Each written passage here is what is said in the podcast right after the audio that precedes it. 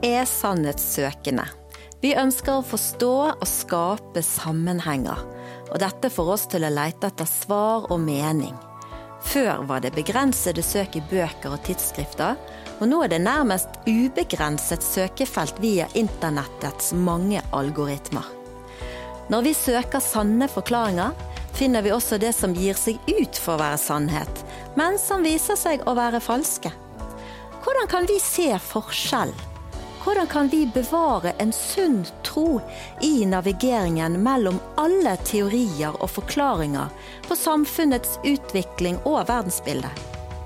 Tre gode medvandrere er nå klar til sammen med oss å se nærmere på hvordan konspirasjonsteorier oppstår, hvorfor disse har fått levekår innen kristne kretser, og hvordan vi kan bevare en sunn tro i møte med alle de ulike bølgene som skyller innover oss.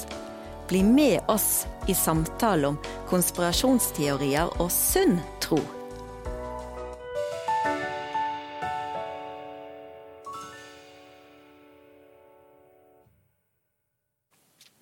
Ja, nå sitter jeg i studio med en kar som kan mye om akkurat dette temaet. Velkommen, Bjørn Are Davidsen. Tusen takk. Kan du fortelle litt om hvem du er? Ja, jeg er eh, en eh, nysgjerrig kristen. Ja. Bakgrunn som sivilingeniør, og jobber nå som rådgiver i en tankesmie. En tankesmie, ja, det må du fortelle om. Det var litt interessant. Ja, det heter Skaperkraft, Ja. og vi er opptatt av å stimulere til refleksjon og tanke basert på innsikt i Bibelen, samfunn, historien osv. Og, så og aktiv da, samfunnsbygging basert på dette. Og vi ønsker en uh, høy takhøyde i uh, den offentlige samtalen, hvor det altså er lov å komme med kontroversielle synspunkter. Ja, akkurat. Er det i den virksomheten der at du har hatt befatning med og sett litt sånn på konspirasjonsteorier og dette? Ja, det også. Jeg har holdt på med det veldig lenge, egentlig. I, siden ja, 1900-tallet. Det er uendelig lenge siden. 1900-tallet, ja. Ja, og, eh, det høres jeg har- lenge siden. Jeg har eh, de seneste årene jobbet spesielt med det også, da, i, i Skaperkraft. Ja. Men det er et engasjement som går mye lenger tilbake. Mm. Ja, på hvilken måte er det du er engasjert i det? Altså, jeg er litt sånn entusiast, da, som man kan, kanskje kan få mistanke om man hører meg. Og opptatt av veldig mye rare ting. da. Og da er jeg kommet borti mye sånne konspirasjonsteorier og spekulasjoner om det ene og det andre. Bygget aliens pyramidene, og eh, hva var egentlig Atlantis, og hva er dette som foregår da, i eh, det skjulte i samfunnet? Eh, og jeg er opptatt av å finne ut av ting, og rett og slett prøve ting på, ja, på kilder og på ting som da kan etterprøves, og som virker altså det, at det henger på greip. da. Ja. Det høres jo ut som litt sånn gravearbeid, dette her. Er det? Ja, det har blitt noen timer i, i bøker og YouTube-videoer og samtaler med ulike personer, ja. Ja, akkurat. Har du funnet fram til noe, da? Ja altså, jeg har jo funnet fram til mye ulike teorier om Ja. konspirasjoner. Ja. Men uh, selv om verden da er full av konspirasjoner, egentlig, så er det sånn at disse her store konspirasjonene de uh, sliter jeg veldig med å, å tro på. Og uh, Vi kan si mer om det etter hvert, kanskje, men det er fall sånn at dette handler om mange mekanismer som ligger bak, da, og som gjør at maten begynner å tro på disse. Men sant, nå sitter vi og snakker om begrepet konspirasjon og konspirasjonsteori. Det er mulig at vi legger ulik definisjon i det. Kan du komme med en definisjon av hva begrepet er? Ja, så Konspirasjon er jo en sammensvergelse. Noen eh, snakker sammen, noen legger hodene i bløt og lager en plan for å gjøre et eller annet. Eh, arrangere en 50-årsdag eller eh, ta livet av en eh, diktator man ikke liker. Såpass Ja, eh, det kan vidt. være Ja. såpass vidt. Og det Ja. finnes jo masse sånne konspirasjoner. Men det som man da mener med ordet konspirasjonsteori, det er ofte disse veldig store, sånn grandiose teoriene om at det er en, eh, noen som har bestemt eh, noe som skal skje i verdenshistorien, starter en verdenskrig, eller skal styre samfunnet fra det skjulte, og da har planlagt egentlig hele historien, og vi er i de, disse personenes eh, klør. Ja, ok. Ja. Men hvor henne finnes disse?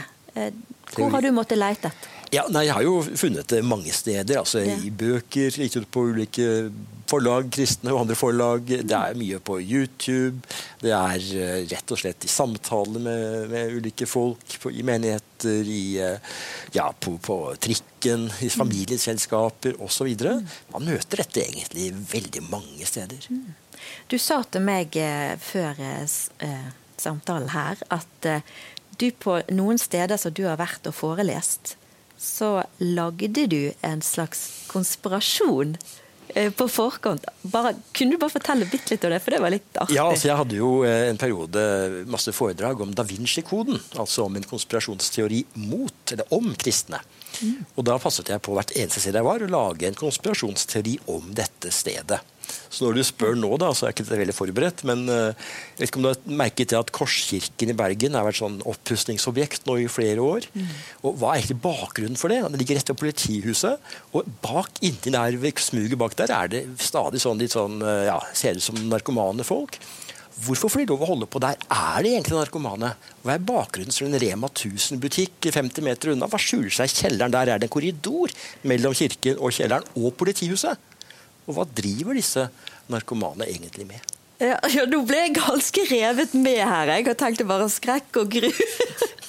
Hva kan skje egentlig? Er det så fort å fang, bli fanget opp i tankegangen i en konspirasjon? Ja, det er jo egentlig det. For de er, mange av dem er veldig sånn morsomme og besnærende, som det heter. Altså, du blir fort grepet av det fordi at det er Oi, sier du det?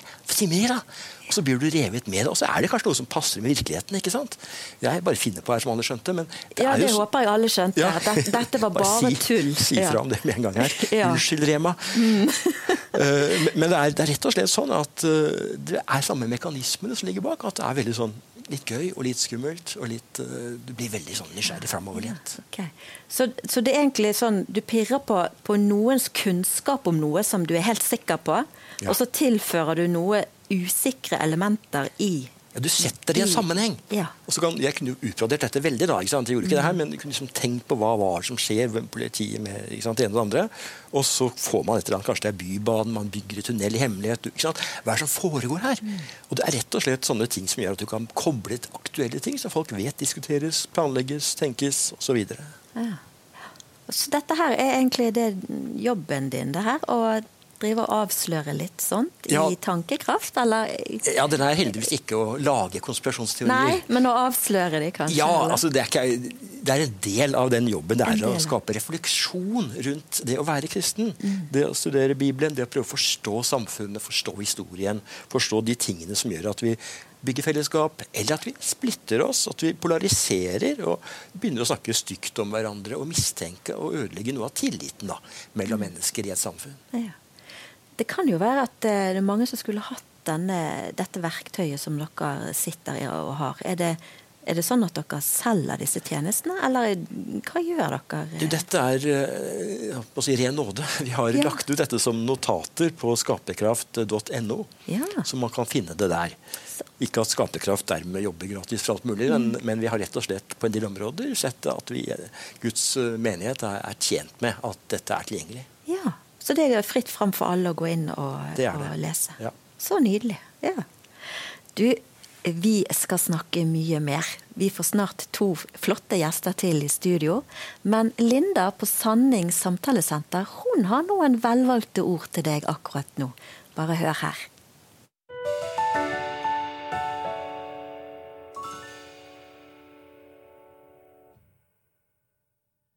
Gud ser alt og holder sin hånd over oss.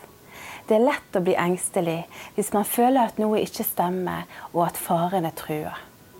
Konspirasjonsteorier er ofte sånn. De skaper frykt om at noen er ute etter oss, og at usynlige krefter motarbeider oss. Konspirasjoner fins, men ikke så ofte som vi tror. Vi gjør kanskje best i å senke skuldrene litt og det kan vi som hører Jesus til, gjøre med stor tillit til Han. For Gud har sagt at hvis Han er for oss, hvem kan da være imot oss? Og så har Han sagt den som er i oss, er sterkere enn den som er i verden. Du og jeg skal være årvåkne, men ikke bekymra. For Gud er med oss, og vi har ingenting å frykte. Vi trenger å minne hverandre på dette når frykten setter inn.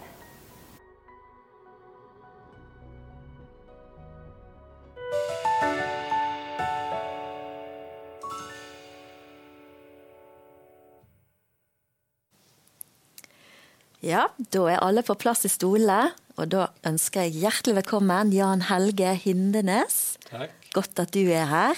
Og så har vi med oss eh, en som heter Tor Hjalmar Sævik. Kjempekjekt at du er her òg. Ja, og så må vi få lov å bli litt kjent med dere. Skal vi begynne med den eldste først? Eldste? Ja, jeg trodde du var det. Jo da, jeg er helt sikker. Det var en spøk. Ja, ja. Da. Jo, jeg mm, 62 år. Pastor i Bergen baptistmenighet på Slettebakken. En eh, veldig flerkulturell kirke. Og der har jeg vært i seks og et halvt år. Ja. Og lang fartstid som forkynner og bibellærer og Det har jeg. pastor. Helt ifra 1984. Mer eller mindre da, med små avbrekk. Både reist som forkynner og ja. Vært stasjonert som pastor og hyrde. Ja. Ja. Og blant dine får så har vel kanskje det vært noen som har snakket litt om konspirasjonsteorier de gjerne har hørt? Det Jo, ikke? det er jo slik som vi har hørt allerede, at det er jo noe du møter på hele tiden i mindre og større utstrekning. Så det er klart at nå er jo jeg i en veldig flerkulturell kirke. Vi har vel en 16-18 nasjoner iblant oss. Eh, og det er klart at mange av disse våre innvandrervenner de er ikke så veldig opptatt av de konspirasjonene som vi kanskje møter på her i vårt samfunn. Men eh, de har jo også sine ting med seg og sine oppfatninger fra de kulturer og land som de kommer ifra. Så, så vi møter jo på det, ja. Med jevne mellomrom. Ja. ja. Og Tore Hjalmar, du har jo nesten et sånt eh, mandat i eh, ditt fagfelt for å kunne grave litt grann i ulike teorier og meninger. Kan ikke du fortelle litt hva du holder på med til dagen? Ja, jeg jobber som eh, journalist i dagen. Det har jeg gjort i 15-16 år. Tida går så fort. Og så har jeg en eh, mastergrad i historie før det. Så eh, jeg eh, har jo eh, skrevet om tema som er inne på det vi, vi har på dagsordenen i dag.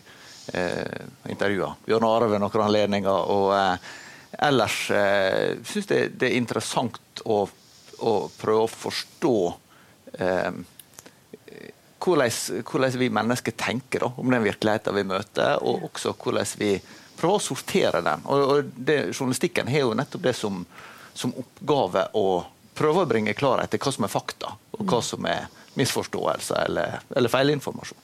Ja, Det er en veldig viktig rolle dere har der. Vi er jo prisgitt egentlig mye av det som blir skrevet, og hvordan det blir vinklet. Ja, altså Veldig mye som vi mennesker tenker og tror, handler om hvem vi velger å stole på. For vi kan ikke ha spesialinnsikt i alt mulig sjøl. Så det er klart at der, og Somme vil jo gjerne være veldig spørrende til om, om journalister er til å stole på. Det må vi bare prøve å, å vise at vi er tilliten verdig. Da. Så, eh, hvis, eh, hvis vi ikke er det, så må vi prøve å rette på det. Har du møtt på mye konspirasjon i eh, jobben din? Jeg vet ikke om jeg kan si at jeg møter det så mye mer enn alle andre, men jeg blir kanskje litt mer obs på det. Eh, og eh, jeg ser jo at eh, det å, å prøve å sortere virkeligheten er noe som er allmennmenneskelig. Så i en viss forstand så Vi snakka litt om det her før sending, at den kanskje mest kjente konspirasjonsteorien som vi stadig kjemper med i Vesten, det er jo, det er jo hvordan en betrakter jødene. Eh, fordi en tenker at det, de må ha noen skjulte hensikter. Eh, disse er egentlig farlige. Og så eh, vet man, hvis en har lest litt historie, at eh, lenger tilbake i historien så, Dette var jo noe som ble til i, i middelalderen, fordi altså, kristne var veldig skeptiske til jøder. Men tidlig i kirkehistorie så var kristne sjøl offer for konspirasjonsteorier. Fordi at en, ble beskyldt for å ete og drikke blodet til, til barn. ikke sant? For, og Det handler om en misforståelse hva, hva nattverden var for noe.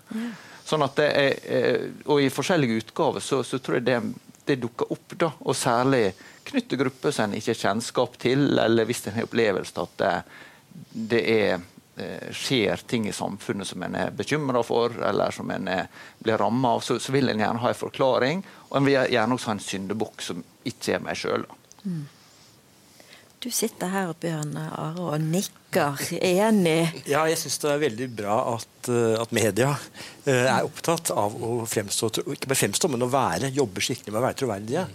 Og jeg har erfart det, at jeg blir intervjuet i en del sammenhenger, og noen ganger så jeg ser at desken og andre gjør noe skikkelig, noe vrier som gjør at jeg blir skikkelig skeptisk til det de driver på med. Mens da Tor Hjalmar og Dagen har jo vist at de faktisk gjengir meg riktig, og ikke vinkler det på litt sånn uh, ufine måter. Mm.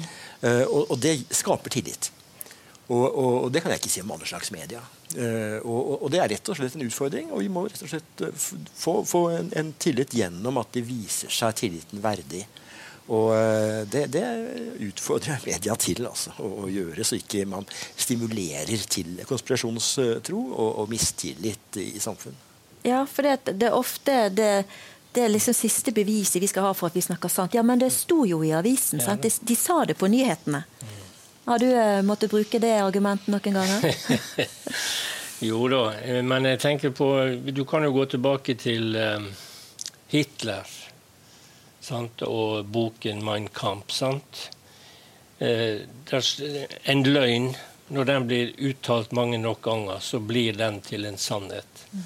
Og jo mer brutal løgn er, jo større sannsynlighet er det for at folk vil tro det. Fordi at ingen tror at noen på en måte kan overdrive på den måten. sant?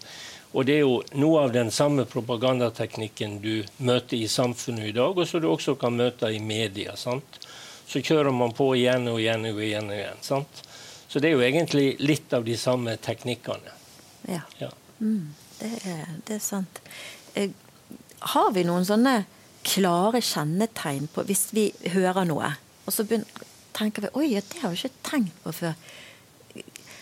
Hvordan kan jeg finne ut om eh, er dette en konspirasjonsteori, eller er det noe jeg kan ta som fakta og gå videre i livet med? Har vi noen kjennetegn på noe?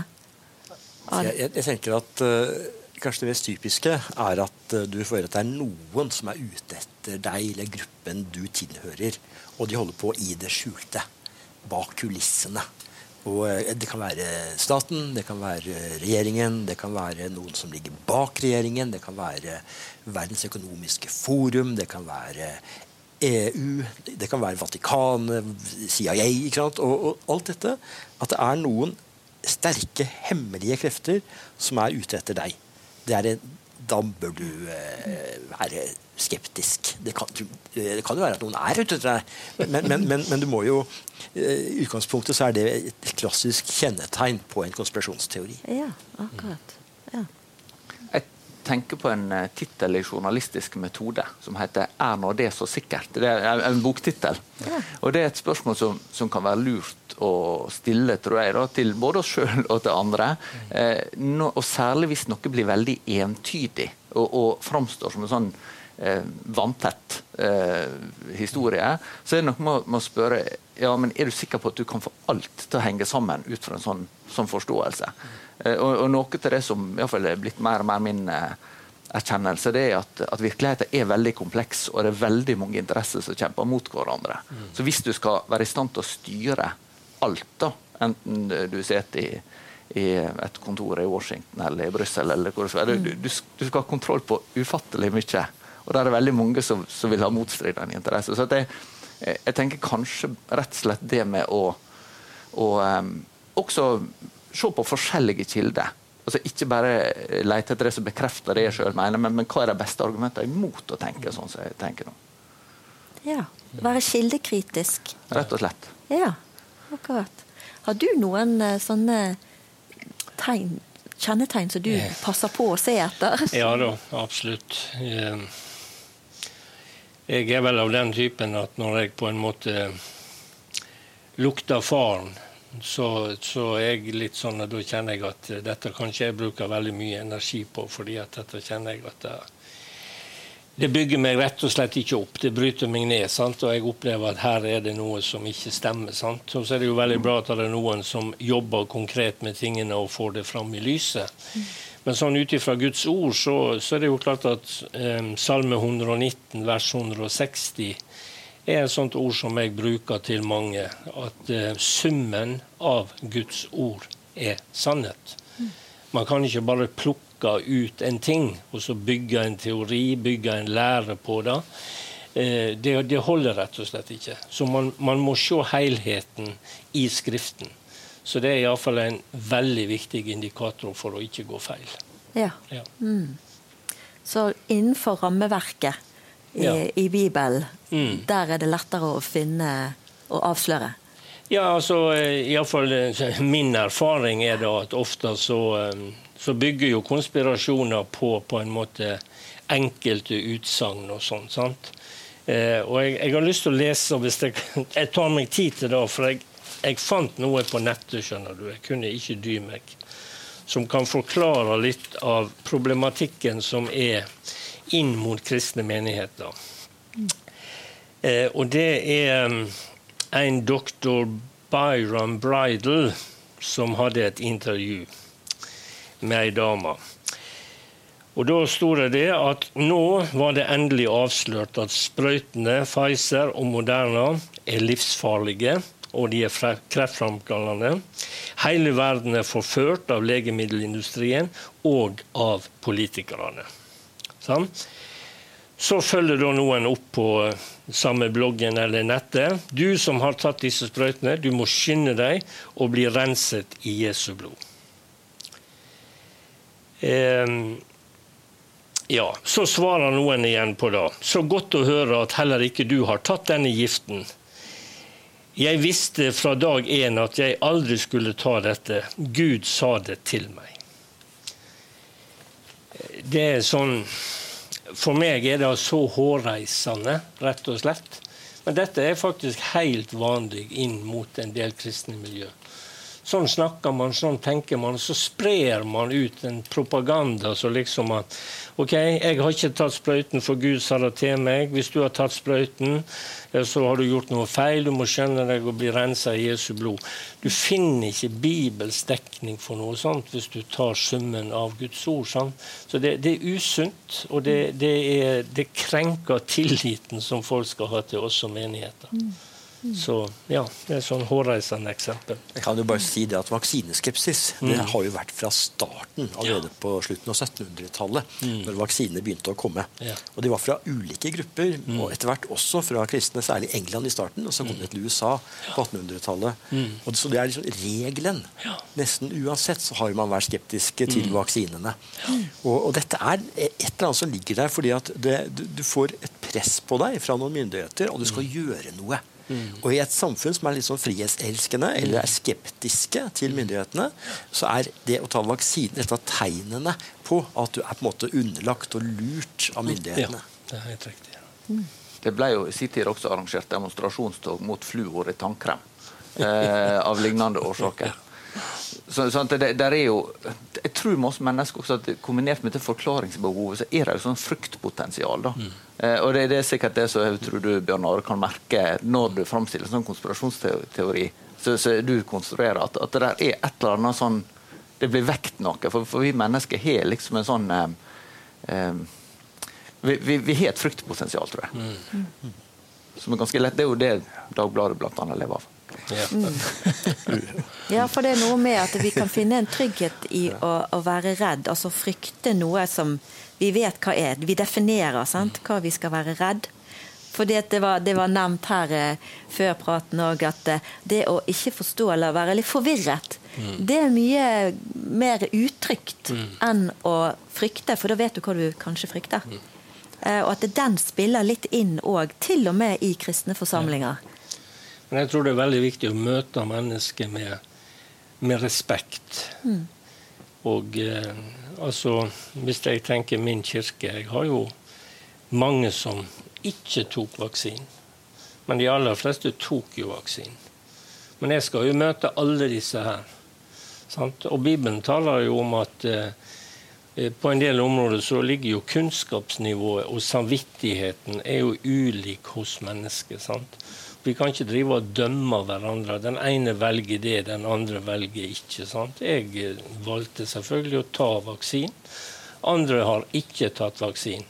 Men jeg liksom prøver å tenke litt sånn Tenk hvis jeg skulle på en måte gå ut med noe sånt. Sant? At uh, dette må du ikke ta. Sant? Og, ja, sant? og, så kan, kunne det ha ført til at en av mine menighetsmedlemmer døde mm. fordi han ikke tok vaksinen.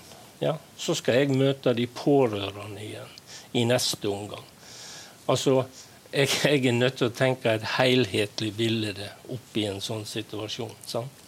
Så det er veldig farlig når vi begynner å tre vår tro og vår overbevisning ned over andre mennesker. På sånne områder så må, må vi velge å tro at OK, vi gir dem den friheten. Sant? Noen lander ned på det ene, noen lander ned på det andre. Men jeg tenker at Gud er større enn alt dette der. Så, ja. Jeg kjenner jo også til tilfeller hvor man skal få bekreftet den skepsis man hadde til vaksiner. Mm. Så ser man på at nå dør det en del folk som er i 40-årene, 50-årene osv. Litt unge folk, da, kanskje 20-årene. Og så har man en sånn, slutter man at aha, det er fordi de tok vaksinen. Ja. Uh, og så bruker man dette for å bekrefte da, at dette var farlig. Men jeg kjenner jo flere av disse som ikke flere, et par av disse som har dødd. Og jeg vet at uh, noen av dem har jo, har jo dødd av veldig andre årsaker. Ulykker, selvmord osv. Som er definitivt ikke skyldes vaksinen. Og, og, likevel brukes det at en på 40 år døde, som et, da, et bevis på at vaksinen var farlig. Mm. Så det er sånne bekreftelsesfeller som er veldig skumle. Mm. Ja. Og så tenker jeg samtidig at der er noe med, med å, sånn som du Jan Helge er inne på, med å gi, ha respekt for at mennesker kan være bekymra eller ha innvendinger, og også kan problematisere ting. Og, og jeg tror egentlig hele koronaperioden er et interessant eksempel på det at særlig vi i Norge som er vant med å ha veldig stor tillit til myndighetene og til å liksom si at dere er, det, er det statlig, ja, men da er det jo kjempebra. Men vi som har interessert oss for Amerika en stund, vet at der er det stikk motsatt. altså Det statlige så er det helt sikkert eh, dårlig. men, men det er noe der med med å øve seg å være sunt kritisk. da.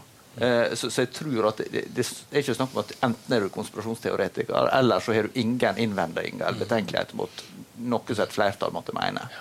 Så, så, så, jeg tror, tror, det er noe med der å ikke være eh, ikke være for snar. Jeg, jeg, tror også i vår tid at det å stemple noen som konspirasjonsteoretiker kan være en slags hersketeknikk. Ja, ja. ja sant. Ja. Ja, for da har du på en måte stilt det litt over, da, egentlig? Det som blir uttalt? Ja, altså for, for, for eh, som har et sånn uh, utgangspunkt at flertallet er alltid rett. Andre har kanskje som utgangspunkt at flertallet er alltid feil. Men, men, flertallet kan ha både rett og feil. Det, det tror jeg er liksom viktig i et demokratisk og liberalt samfunn å, ha høgde for. da. At, at, vi kan ha både begrensa innsikt, men, men, men, vi kan også uh, Forskninga kan måtte snu. og det, det, er mange ting som kan skje. da. Mm. Ja. Og så er det sånn at Mange tenker kanskje sånn at de som lett faller for konspirasjonsteorier, eller det tankegodset, eh, de er liksom, de er liksom helt ute. Men det er jo faktisk ikke sånn. For min erfaring er jo at mange av de er jo faktisk veldig brennende for Jesus. Mm. Og har en voldsom nikjærhet for Guds rike. Kanskje mye mer enn den jevne kristne nordmann. Og Det gjør jo denne problematikken enda vanskeligere. sant? Mm. For da tenker folk ja, men se, han er, jo, han er jo så brennende for Jesus. Han er jo så åndelig. sant? Eh, og, og, ja, så, så, det er veldig komplekst, dette. Mm. Det, det er det. Jeg tror at det er veldig godt at du sier det, for det er også min erfaring. altså at Mange er veldig brennende for Jesus eh, mm. tror på konspirasjonsteorier. Jeg tror Én grunn til det er at de også er ute etter å finne ut mer, vokse med Jesus. Og så mm. søker de en del forkynnere, kanskje særlig fra USA, da, eller Øst-Europa for så vidt. Og disse har kanskje fanget opp noe fra sin kulturelle bakgrunn mm. av konspirasjonsteorier som de får med på kjøpet. Ja. Og, og, og, så blir det veldig besnærende, dessverre. Mm. Uh, så, så, vi må være ydmyke også, og vi som da kanskje ikke er like brennende som ja, enkelte ja. av disse. Uh, og, og, dette som Tore sier, med hersketeknikker. Altså, jeg, jeg, jeg, er veldig klar over det. og mm. det er, det er livsfarlig å bruke det som en slags argument mm. mot noen. At dette er en konspirasjonsteori, fordi at eh, det, det bare gjør at de tror enda mer på det. Mm. Uh, så kan det være at jeg ta feil. Kanskje mm. det, det, var sant, det som ble sagt. Så jeg må jo være ydmyk selv. Ja. Så, så, her er det viktig at man ikke liksom setter seg på en høye hest og sier at 'jeg vet alt'. Ja, ja. Mm. Det er sant. Ja. Så tenker jeg også at, at vi må eh, huske at, at konspirasjonsteorier kan også være, ha en særlig appell i krisetider. Altså Når en opplever at det er en slags unntakstilstand, og du trenger en forklaring. Du trenger gjerne en syndebukk. Men, men, bare tenk på det med, med Det er jo et ekstremt eksempel, men nazismen i Tyskland det er jo basert på en konspirasjonsteori om at jødene er eh, en rase med helt spesielle egenskaper som, som er skadelige for samfunnet. Og, og, og, du må ikke gi dem rom, for, for, for, for, det ødelegger en hel kultur. Eh, og, og, du kan si ja, men eh, dette tror vel ikke folk på. Nei, altså, Tyskland var jo den ledende kulturnasjonen i Europa, sånn, men hadde kommet inn i en djup krise. Dette ser man også i Norge, faktisk. På 1920-tallet ble dette, disse Sions vises protokoller, en sånn forfalsket skrift fra Russland, ble da veldig populært i Norge, og spredt dessverre av kristne forkynnere. Mm. Uh, og, og, og, andre, da. Men, men uh, dette var jo noe som var bakgrunnen for mye av også Nazi-Tysklands uh, oppgjør med jødene. Og dessverre lever de videre i dag i andre deler av verden. Mm. Så, så, så vi, vi, finner disse teoriene. De har en veldig sånn de, de overlever. Uh, vi finner nye grupper som faller for dem. Og så håper vi jo at liksom, de vil dø ut etter hvert, men jeg tror det er så mye mekanismer bak dem som gjør at de bare blir, uh, blir der. Dette er veldig interessant. Vi skal videre i samtalen, men før det så skal du få en liten reklame, for nå er del én av programmet ferdig. Og så ses vi, og da skal vi snakke mye om hva en sunn tro er. Bare litt reklame først, vær så god.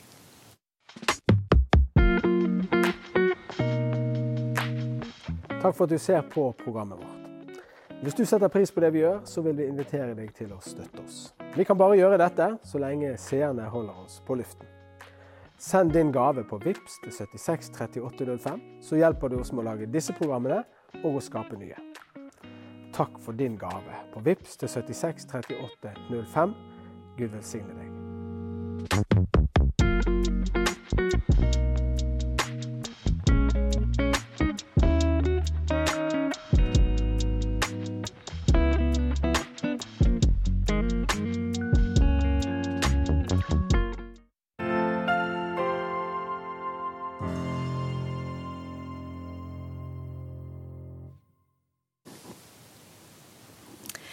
Ja, hva er en sunn tro, og hvordan kan vi passe på at vi har den i alle den navigeringen i alle de ulike bølgene som skyller over oss? Tori Alma, du hadde noen eh, tanker her. Kan ikke du by litt på dem? Ja, jeg tenker jo at ei sunn kristen tro den må Jesus Kristus i sentrum. Som eh, Guds sønn og verdens frelser. Hvis det blir litt sånn uinteressant og selvsagt, men det er veldig spennende med hva du kan finne ut om akkurat hva profetiske begivenheter som blir bekrefta i dag, eller hva endetidstegn du, du kan betrakte i, eh, på internett eller, eller i egne omgivelser, så, så vil iallfall jeg tenke at en må tenke seg litt om. da. og det er ikke fordi at en ikke skal være våken, det, for, for, det tror jeg er veldig viktig. Det er et helt sentralt eh, bibelsk anliggende at, at kristne skal vurdere tida som en lever i. Men, men, det er et eller annet med at jeg, jeg tror det er en sånn en slags sensasjonslyst i oss, da, og et ønske om å være midt i det som, eh, som er veldig viktig og stort, som skjer historisk, som, som, fort kan føre til at en blir interessert i litt feil ting. Mm. Har du kommentarer? Ja da. da det er jo helt riktig. Det er jo ordet om korset og forsoningen det er jo det som må være utgangspunktet for, for den sunne troen. Og hvis ikke, hvis ikke, det står i sentrum, så vil jeg jo ganske tydelig si at da, er vi på vei vekk fra en sunn tro. Så, så, vi må spore alt tilbake derifra.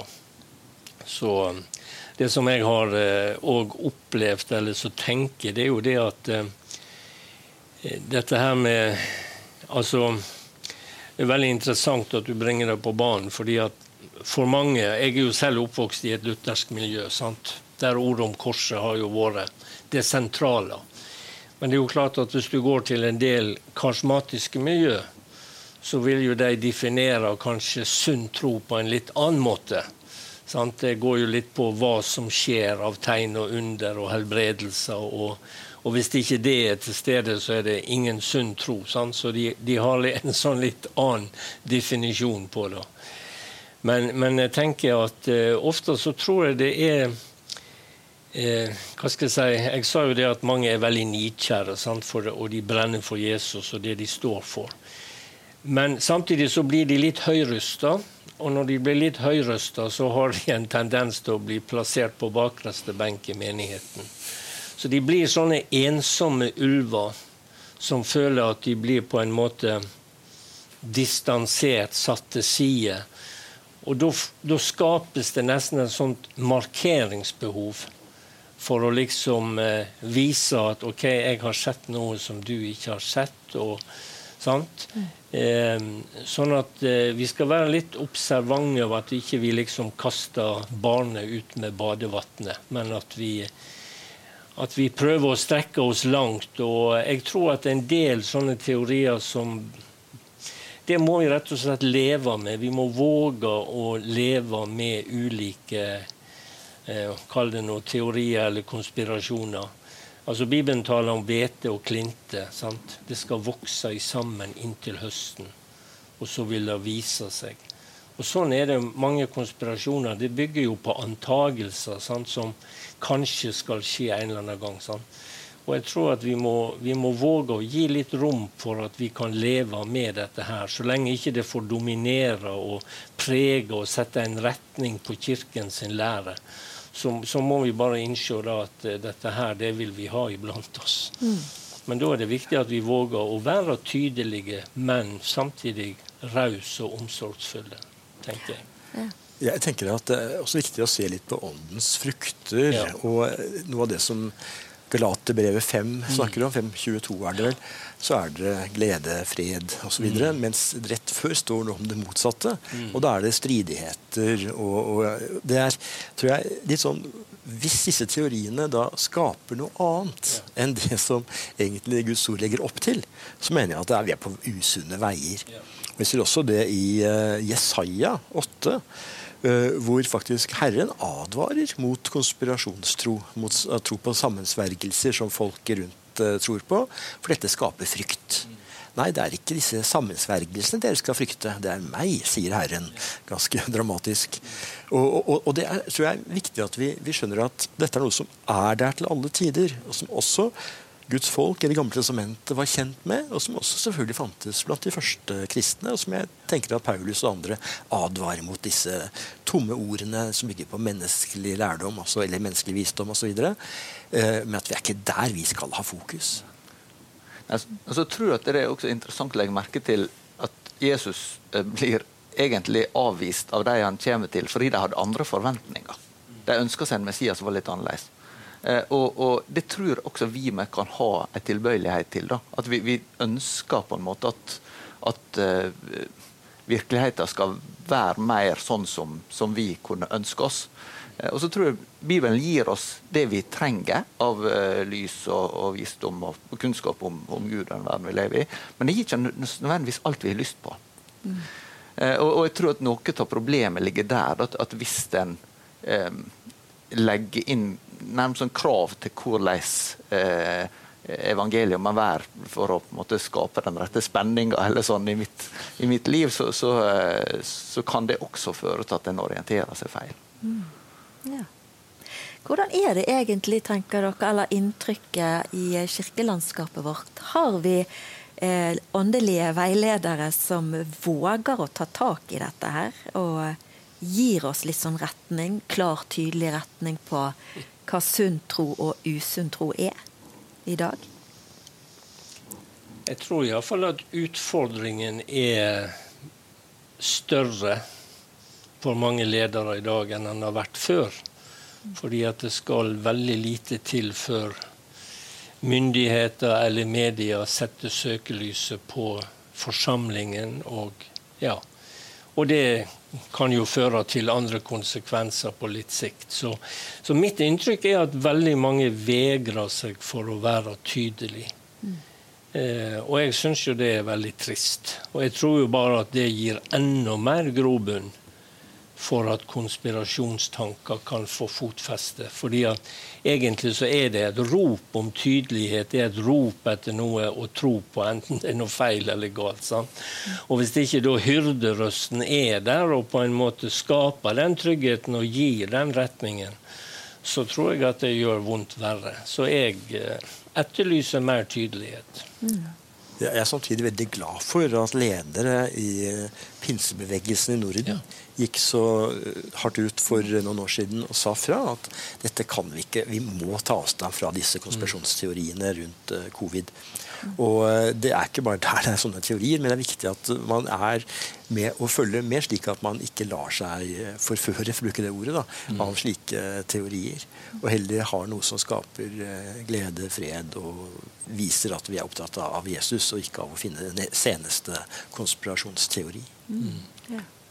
Jeg tenker det er et, eh, et, viktig poeng som er blitt i fall, stadig tydeligere for min del. det er at De, de helt grunnleggende tingene i den kristne tro de er paradoksale. De går over vår forstand. At Gud er treenig at Jesus er sann Gud og sant menneske. 100 begge deler. Eh, at, eh, at, Bibelen er Guds ord, og samtidig at den er blitt til gjennom at mennesker skrev den ned. Det, det er ikke sånn som muslimene tenker at Koranen har alltid eksistert og bare dumpa ned til, til, til Mohammed. Og, og, så, og, så, er det noe i oss som tenker at nei, men, men vi, jeg vil forstå det. Altså, jeg, kanskje Jesus er 50-50 Gud og menneske. Det, det, stemmer matematisk. Jeg syns det hadde vært mye bedre. Eller, eller dette med treenhet. Det er jo en del som får problemer. Og ting. nei, så, sånn kan ikke det være. Men jeg, men jeg tror nettopp fordi at paradokser de, de, de, vil alltid være over vår forstand, så kan vi hvile dem. For, for, dette her er vi må bare innse Dette er et mysterium som jeg skal få stole på. Eh, men, men eh, jeg greier ikke å lage et system av det. Og Det der er jo akkurat veldig viktig at eh, de som kommer til tro, som ikke har noen kristen bakgrunn, kanskje, ikke vokst opp i en kristne familie eller noe, sant? ingen forkunnskap egentlig. Og så får de presentert mange ulike meninger og synspunkt, for det at ofte er jo troen den er jo så personlig, sant? og den er veldig mye basert på egne opplevelser eh, og åpenbaringer. Og så prøver vi å finne det gjennom Guds ord, at bekreftelsene. ikke sant? Og det er akkurat det du sier. Det tror jeg er veldig viktig at alle blir møtt med på en måte i, i de sammenhengene de kommer.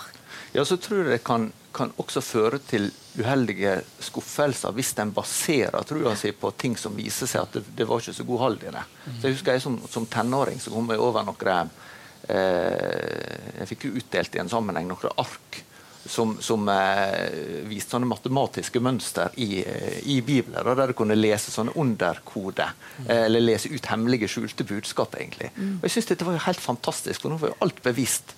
Eh, og det, Den gleda varte jo noen måneder. da. Eh, og så viste det seg at det var kanskje ikke fullt så enkelt. ikke sant? Eh, og, og, og, det kan bli for som en sånn her nedtur at nei, nei, men det var ikke det jeg hadde venta med. Men, men, du hadde kanskje aldri grunn til å vente det heller. Mm, akkurat. Ja. Jeg tror det, altså For snart 40 år siden kom det noen bestselgere i USA som ble oversatt til norsk. da, Som var veldig sånn at strekkodene på matvarer, 66-symbolet, ikke kjøp mat med disse strekkodene, mm. for da er du en del av antikrist. Baklengsmaskering. Og baklengsmaskering, musikk. Mm. Uh, og jeg som sivilingeniør, som da jobbet i, uh, med kabel-TV, fikk da lese at uh, fiberkablene var nå på vei inn i de tusen hjem. Og i enden av hver kabel var det en linse. Så nå kunne myndighetene se alt som skjedde i stua. Og jeg sa ja, verden, hva foregår her? Dette stemmer jo ikke teknisk. Så nevnte jeg dette for en som solgte disse bøkene. Og da var Svaret jeg fikk, var Har du bedt nok når du vurderte dette? Så, så, det var et sånn åndelig svar på noe som beviselig var feil. Og jeg tror Det er en sånn liten mekanisme som gjør at hvis man møter for oppleve kritikk da, av disse teoriene, så er det dette at folk er, brennende eller har en slags åndelig åpenbaring som gjør at, at de uh, bruker det som forsvar mot at, at dette likevel stemmer. Og, og, jeg tror at det er en sånn mekanisme som vi må være litt obs på. At, at vi, skal vi ha en sunn tro, så må vi faktisk også prøve dem på noe annet enn våre egne åndelige følelser, som kanskje er litt mer følelser enn det egentlig er ånd. Mm. Ja, hva, hva, prøver vi troen vår på, da? Jan Helge, du som er pastoren i rommet. Ja. Nei, altså det er jo klart at eh, jeg jo, kommer jo tilbake til Guds ord hele tiden. Altså Det står om menigheten i Berøa i Apostelgjengene 17. Eh, at de hadde et edlere sinn enn menigheten i Tessalonika, fordi at de granska Skriften for å finne ut om det var slik som det ble sagt. sant? Eh, så det er jo et sånn sunnhetstegn som vi absolutt bør eh, holde fram, tenker jeg. Eh, og det er klart Vi kan ikke basere kristenlivet vårt på følelser eller kick som vi får når vi leser og et eller annet spennende og det fenger vår nysgjerrighet. Det, det, vi må, eh, og vi må ikke bli opptatt av alt rundt. Vi må bli opptatt med giveren, personen Jesus Kristus. Det er han vi må ha vårt fokus på. Og jeg tror veldig mange lar seg forblende av F.eks. nådegave, profetiske ord. Bibelen sier jo at vi skal prøve også profetisk tale, f.eks. Sånn? Så, og det blir ikke en profetisk tale om noen slenger på 'så sier Herren' i slutten av en setning. Det betyr ikke at det, det er en profetisk tale. Altså Det pågår så mye sånne ting som er Det er altfor lett, og det er rett og slett usunt. Eh, og så eh, kan man Det er jo sånn at hvis et menneske har sterke nådegaver sant? Og Nådegave er jo en gave du får av nåde for at du skal tjene menneskene. Men hvis du har disse sterke, sterke gavene, så er det veldig lett at man trår over en sånn grense. Og så kan man bruke disse gavene sånn, ikke nødvendigvis bevisst, det tror jeg ikke, men det blir en sånn slags hersketeknikk gjennom det òg. Når man ser på de gavene og ser hvor sterkt han taler profetisk. Sånn. Men det er jo ikke gavene vi skal se på, det er jo frukten i mennesket sitt liv. Det er jo ikke gavene. Gavene er jo bare noe vi har fått av nåde. Det er jo frukten som viser om vi har en karakter og et liv som samstemmer med Skriften. Ja. Ja.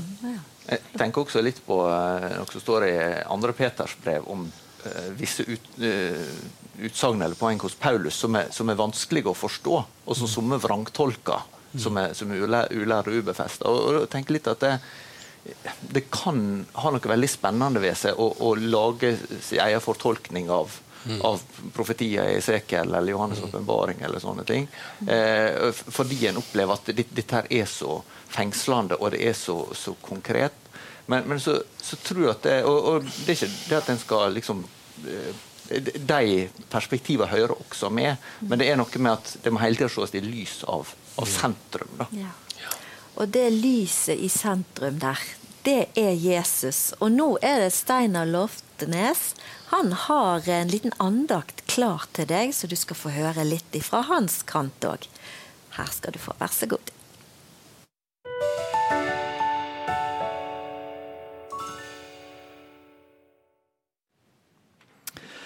Jeg legger merke til at flere og flere kristne blir fanget av konspirasjonsteorier og massevis av forskjellige ideer om fæle ting som skjer der ute i verden.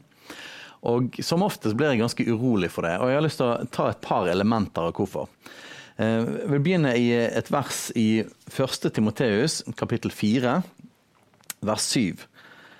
Og Da står det Men vis fra deg de vanhellige og kjerringaktige eventyr. Øv deg heller i Guds frykt så det er jo et morsomt uttrykk. da, Kjerringaktige eventyr. Så hva i all verden er det for noe? Um, måtte se på noen andre oversettelser. Um, i, I 2011 står det 'ugudelige myter', altså vis fra deg ugudelige myter. Og uh, på gresk så er altså ordet 'profan', uh, og det kan forklares med hedenske eventyr. Så poenget her er at dette er teorier eller fortellinger eller historier som ikke kommer fra Bibelen. Det er altså ikke teologiske eller kristne eller evangeliske historier, men det er et eller annet som kommer fra utenfra fra verden. Og eh, det kan jo treffe mange forskjellige ting, men jeg tror at dette treffer òg på det vi kaller konspirasjonsteorier. Så hva er liksom utfordringen med dette her? Og I slutten av verset står det altså Øv deg heller i gudsfrykt. Så den første biten handler om fokus hvor er det vi setter eh, trykket vårt? Er vi, hva er det vi gir oppmerksomheten vår? Så det er et eller annet med alle disse her teoriene og alle disse her historiene om fæle ting som kanskje skjer der ute, som drar vekk fokuset fra de viktige tingene. Og Så øv deg heller i gudsfrykt i en sånn utfordring til at ikke bare se den veien og, og dukk ned i det der eh, kaninhullet der, og, og, se inn på internett og bruk masse tid på de tingene. Øv deg heller i gudsfrykt. Finn noe bedre og sunnere å gjøre. Og eh, Bibelen sier òg det at uh, ha blikket festet på Jesus, han som er troens opphavsmann og fullender. Og jeg vil si det sånn at en et av kjennetegnene på en sunn kristen er et Jesus-fokus. Et tydelig fokus opp på Jesus, mer enn alt mulig annet som skjer der ute. Jeg personlig er jo en som er opptatt av samfunnet og ideologier eh, og forskjellige teoriers innflytelse inn i landet og hva som skjer. Og Det er ikke noe galt å være obs på de tingene og til og med sette seg inn i det. Men jeg er veldig bevisst på at det kan ikke stjele fokus fra det rene evangeliet og fra Jesus. Så det er den første biten. Eh, øv deg heller i gudsfrykt. Ha fokuset et annet sted. Den andre tingen er at eh, ofte for meg så virker det som at det er mye bekymring og frykt koblet på konspirasjonsteorier. Veldig mange folk som snakker om alle disse fæle tingene som visstnok skjer, og, og, og, folk planlegger, og folk som bestemmer der ute. Veldig ofte så er det et fokus på at ting kommer til å gå galt, og at ting er veldig fælt. Og eh, det er et eller annet med det som gjør meg òg urolig. For at Bibelen sier 'vær ikke bekymret for noe'. Så en, en av kjennetegnene på en kristen er at vi har et Jesusfokus, men òg at vi har fred. At vi ikke går rundt i frykt og bekymring. Det, kan, det, er masse rare ting som skjer der ute. Det er masse ting som djevelen har holdt på med, og mennesker har holdt på med helt siden syndefallet. Men det har et eller annet med at hvis vi lar det fange hjertet vårt, så, så drar det vekk gleden, og det drar vekk nærværet av Jesus. Så vær ikke bekymret for noe. Eh, en sa det på denne måten at mange kristne har mer tro på djevelens evne til å forføre enn på Guds evne til å lede. Det synes jeg er et utrolig bra utsagn. Så det handler rett og slett om dette at er, er, gjør vi djevelen for stor, gjør vi mørket for stort og Jesus for liten? Så det er den andre tingen jeg vil si. Den tredje er at jeg ofte merker at i konspirasjonsteorier så er det en veldig mistillit til myndigheter og forskjellige instanser og organisasjoner.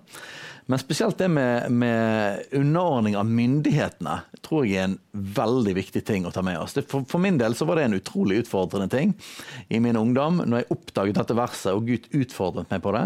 Men i Romane kapittel 13 så står det om dette. altså, Underordn dere myndighetene. Og Det står til og med det at myndighetene er innsatt av Gud.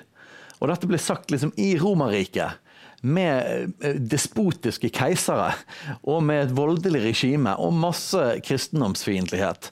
Men likevel så sier Paulus at disse myndighetene var innsatt av Gud, og at de skulle underordne seg dem. Peter snakker òg om at vi skal ære kongen, eller ære myndighetene. Så ære handler ikke bare om underordning, men det handler til og med om å løfte opp og anerkjenne i sitt hjerte. Så de tre elementene tror jeg er viktig å med seg, ta med seg i det med konspirasjonsteorier. Nemlig nummer én eh, øv oss heller i gudsfrykt. La oss ha fokus på Jesus og ikke gå inn i alle mulige kjerringaktige eventyr. Nummer to ikke lev i frykt og bekymring. Ikke gjør djevelen altfor stor og Gud for liten. Og nummer tre, vær obs på å ære og anerkjenne og underordne myndighetene. Det er gode verdier for en kristen.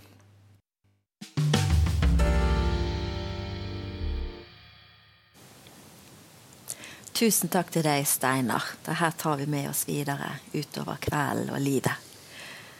Og nå kan det være at du sitter der hjemme og kanskje kjenner på en liten provokasjon. Kanskje vi har omtalt noe eller berørt noe som du er opptatt av. Og det tenker jeg kan være litt sunt. Eller hva sier dere, gutter? Er ikke det litt sunt å, å speile seg sjøl litt i det en mener og tror? Jeg tenker at det er veldig sunt. Eh, og det kan jo være at denne sendingen ikke er en konspirasjon. Eh, og at det er, kan være noe i det vi sier. Selv om du er provosert, eh, noen i hvert fall. Sikkert. Ja, for det kan være at Men vi tenker det at vi møter alle ting sammen med Jesus. Og så tror jeg på at det er viktig å gå i et åpent, ærlig fellesskap. Det har vi hatt her Tusen hjertelig takk for at dere tok dere tiden til å komme og dele og by på. og, og hjelpe oss her med hva dette kan være, og hva det kan innebære. Og hva vi skal navigere oss vekk ifra. Og tusen takk til deg som støtter arbeidet i Kristen Media Norge. Uten deg hadde ikke vi kunnet laget sånne programmer. Og jeg håper det at eh, vi alle har fått med oss noe å gruble litt på, grunne på. Men husk, gjennom Guds ord, der er summen til sannhet. Gud velsigne deg videre. Takk for i kveld.